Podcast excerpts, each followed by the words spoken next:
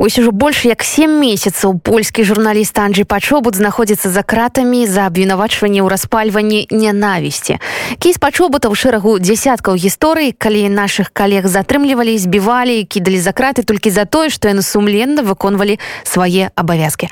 Мы будзем рабіць усё, каб злачынству дачыненні да журналістаў не сыходзілі з інфармацыйнай павесткі і таму зноў прапануем вам паслухаць на стадію залескую. Летась асацыяцыя польскіх журналістаў пры супрацоўніцтве з нацыянальным саюзам журналістаў Украіны краіны выдала сумны летапіс рэпрэсій у дачыненні да нашых калег кнігу я журналіст навошта вы мяне б'еце паводле назвы і зместу аўтарская праграма нашай калегі слухаем настазію залескую я журналіст за что меня б'ёце з неверагоднай хуткасцю мы рухаемся да новага 22 году тыдзень за тыднем і час разганяецца настолькі хутка, што мы яго проста не заўважаем. Сёння панядзелак, заўтра нечакана ўжо чацверг, субота і вось зноў панядзелак. Але тую колькасць падзей, якія паспяваюць за гэты час адбыцца, злішкам можна было прасцянуць на некалькі месяцаў. Што адбылося ў беларускай медыапрасторы за апошнія сем дзён. Хацелася б пачаць з добрага, але, на жаль, добрага не так і шмат. 25 лістапада у мінску падчас роварнай прагулкі быў затрыманы журналіст фрылансер радыёвабоды Андрэй кузнечык. Напярэдадні быў узламаны тэлеграм-канал беларускай службы радыёвабода. Галоўны рэдактор Белапан Ірына Леўшына і экс-кіраўнік кампаніі Дмітры Наважылаў абвінавачваюцца ў стварэнні экстрэміцкага фармавання, за што ім пагражае да сямі гадоў пазбаўлення волі. 30 прадстаўнікоў медыа зараз знаходзяцца за кратамі. Але сярод усей гэтай цемры ёсць і добрыя моманты. Беларуская асацыяцыя журналістаў стала лаўрэатам нацыянальнай прэміі Украіны за абарону свабоды слова імя ігора Любчанкі. І напэўна, самае галоўнае, што не гледзячы ні на што, беларускія медыя працягваюць сваю працу, расказваюць нам пра самае галоўнае, трымаюць нас у курсе таго, што адбываецца вакол і змагаюцца за сябе, за сваіх калег і за сваё права працаваць. І што нямала важна аб праблемах медыя кажа не толькі свет журналістыкі, але і свет палітычны. Як зараз можна характарызаваць сітуацыю з беларускімі сМ, з якімі асноўнымі праблемамі яны сутыкаюцца, што можна зрабіць для вырашэння гэтых праблем.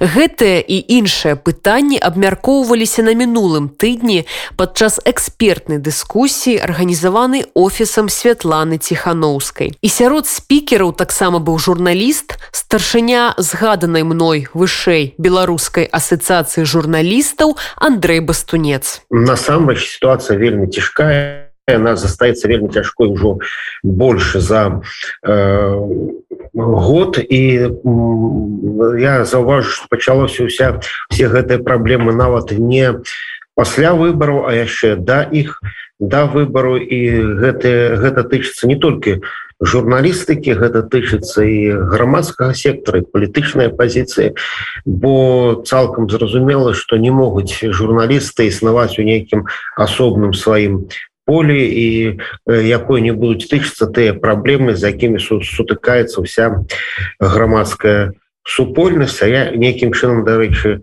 належу і да таго што кажуць грамадскі сектор і да журналістыкі таксама коротко про тое що мы сутыкнуліся вельмі тезісно.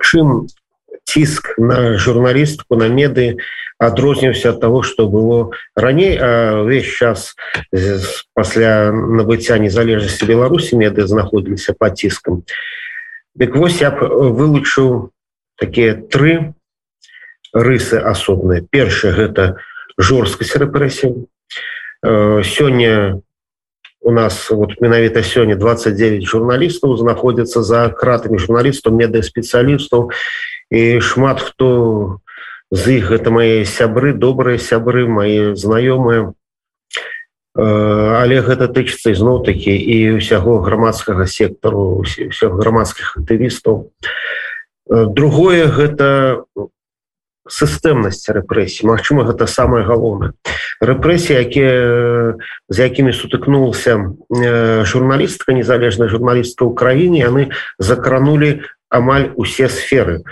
да ўсе сферы друкаваныя сМ перасталі выходзіць у друкаваным выглядзе бо іх большая з іх бо іх просто адмаўляліся і друкаваць і распаўсюджваць онлайн выданні трапляюць под блокіроўку шмат хто з іх абвяшчаецца экстрэміскімі іх інфармацыя абвяшчаецца экстрэміскімі матэрыяламі гэта дарэчы яшчэ перашкажае распаўсюджваць гэтую інфармацыю у прыватных паведаўленнях у соцсетках ці іншымі медыямі і наогул мы маем такую сітуацыю як у орвала у 84 годзе кнігі калі э, трэба каб не трапіць под пераслед выдаляць тыя матэрыялы якія былі надрукаваны некалькі гадоў таму э, каб не трапіць под ціск зараз паўсюд экстрэміскіх матэрыялаў.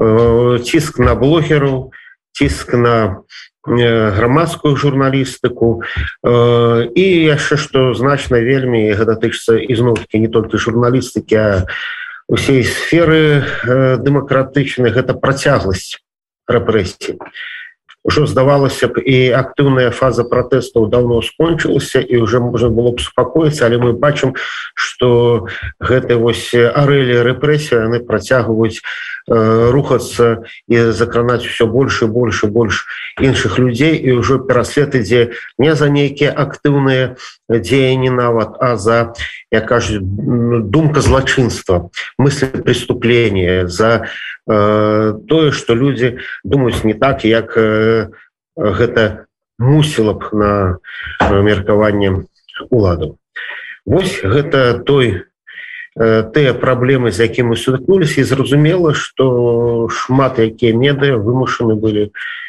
васякім разе ключавыя супрацоўнікі гэтых медаў выехаць за мяжу. І працаваць за мяжы і мы гэту тэму супольнасці журналісцкай абмяркова увесь час. І скажу адразу что нас падыход адзіны мы зыходзім з таго что незалежна ад таго дзе знаходзіцца меда украіне ці база межамі краіны гэта ўсё складае адзіны незалежны медыасектор калі яны працуюць на беларусі калі яны карыстаюцца беларускай інфармацыяй якую конечно ж адбываць становіцца ўсё цяжэй і і цяжэй. І магчыма на што я хацеў бы звярнуць увагу уже пісаў гэта на сайце беларускай стацыі журналістаў раз пораз сутыкаюся з думкай што нібыта беларуская незалежная журналістыца ў краіне ўжо не існуе А гэта не так і гэта вельмі ганебна чуць тым хто працуе беларусі а гэта вельмі шмат і журналістаў і медыа ресурсаў я нават не буду их тут пералічваць але вы калі вы самі паспрабуеце узгадаць зруме зразумееце что вельмі шмат рэдакцыяў незалежных меда вельмі шмат беларускіх журналістаў працягваць працаваць менавіта ў краіне. І падтрымка іх Мачыма гэта самая галоўная задача для нас. Ну конечно ж і падтрымка тых хто вымушаны з'ехаць за мяжу пакінуўшы сваю працу сваё жыццё сваіх родных сваіх хатніх пітомцаў. І яны таксама вельмі ім таксама вельмі неабходна гэтая падтрымка але я разумею что змена сітуацыю медыасектора немагчыма без змены агульнай сітуацыі краі гэта быў Андрей бастунец журналіст старшыня беларускай асацыяцыі журналістаў падчас экспертнай дыскусіі арганізаванай офісам Святланы ціхановскай Ну і напрыканцы я хачу нагадаць што набліжаецца час свят і ў гэты час мы ўсе як ніколі маем патрэбу ў цёплых словах і падтрымцы напішыце ліст палітвязням беражыце сябе і будзем разам верыць у навагоднія цуды. Да сустрэчы ў эфіры. Я журналіст. За что вы меня бьете? Бьете, бьете.